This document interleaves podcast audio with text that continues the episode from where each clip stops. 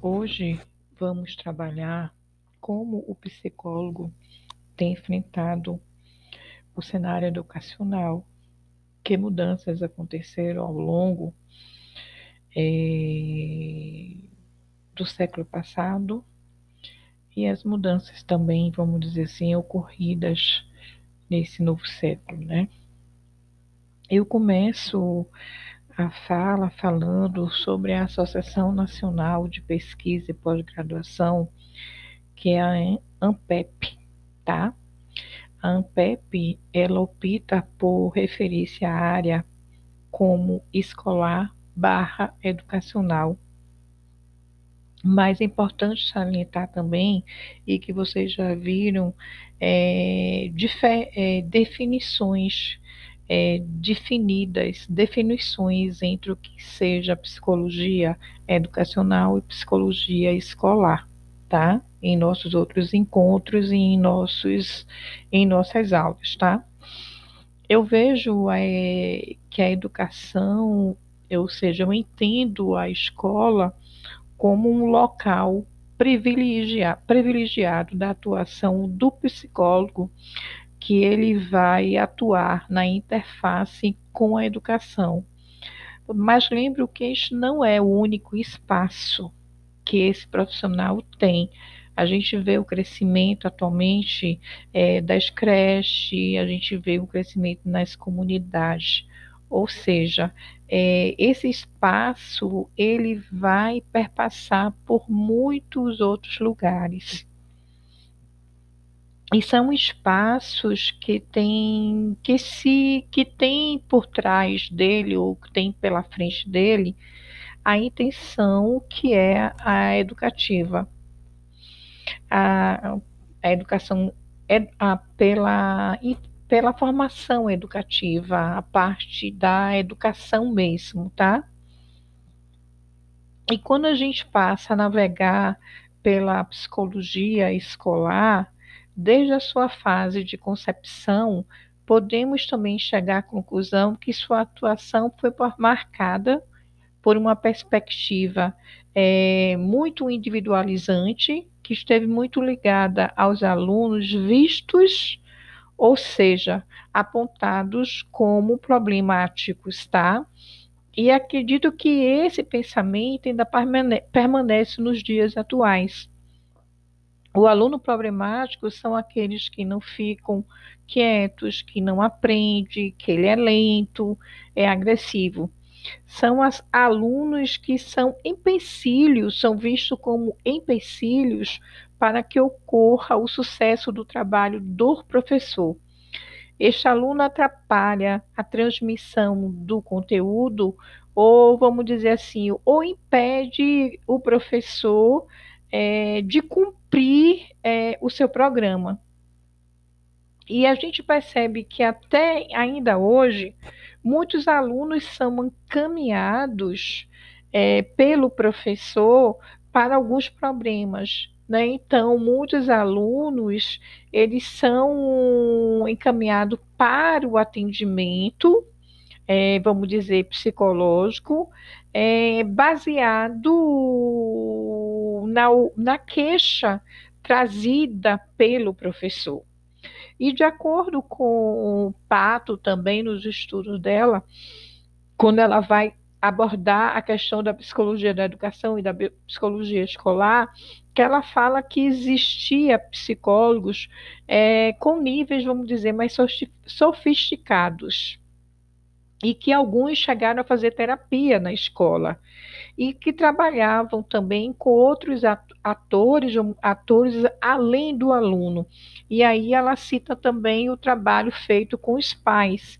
E nesse caso se aplicava programas preventivos numa concepção adaptacionista da saúde mental né?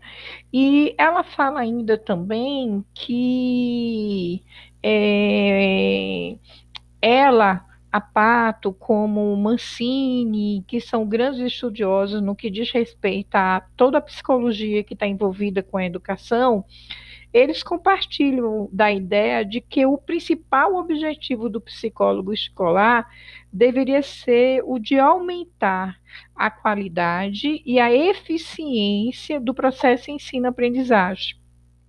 A questão, ou vamos dizer assim, o, o problema, entretanto, é, são as concepções, né, são as maneiras como se deve interferir nesse processo com que procedimentos e com que instrumento esse psicólogo vai trabalhar.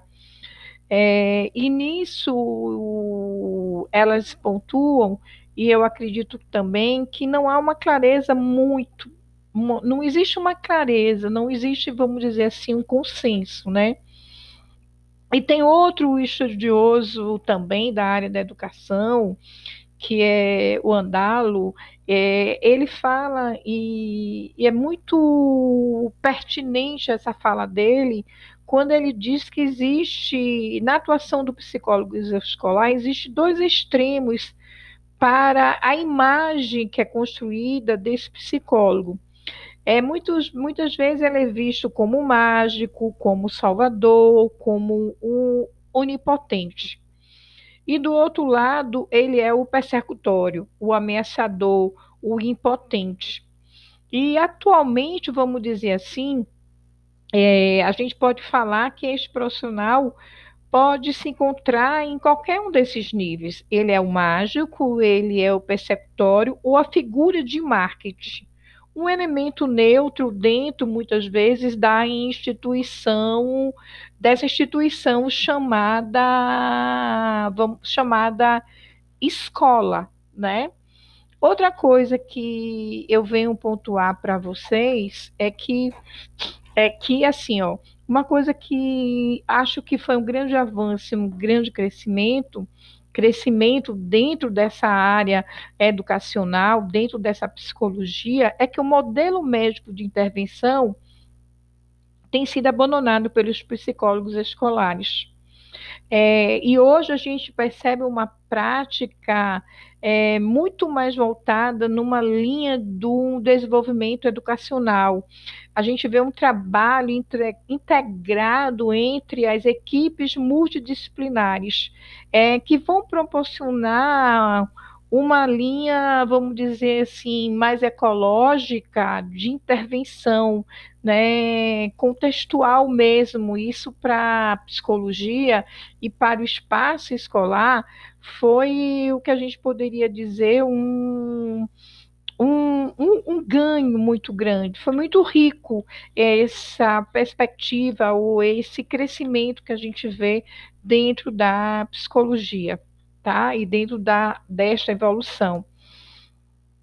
E a gente pensa que ainda, é, eu vejo que ainda temos um campo de atuação que ele ainda é muito muito grande, ainda estamos engateando nesse sentido. A gente, eu percebo que existe um, existe um avanço e existiu também é, um, é, é, nesse sentido. Mas para mim, como profissional, e eu já trabalhei um pouquinho na área da educação, ele, eu acho que o papel principal do, do psicólogo é, é, seria é, questionar, primeiramente, quais são os setores que estão requerendo essa intervenção e quais as intervenções que são prioritárias e sempre tendo em vista a eficiência do processo ensino-aprendizagem, é, que é uma das principais finalidades da educação escolar. Né?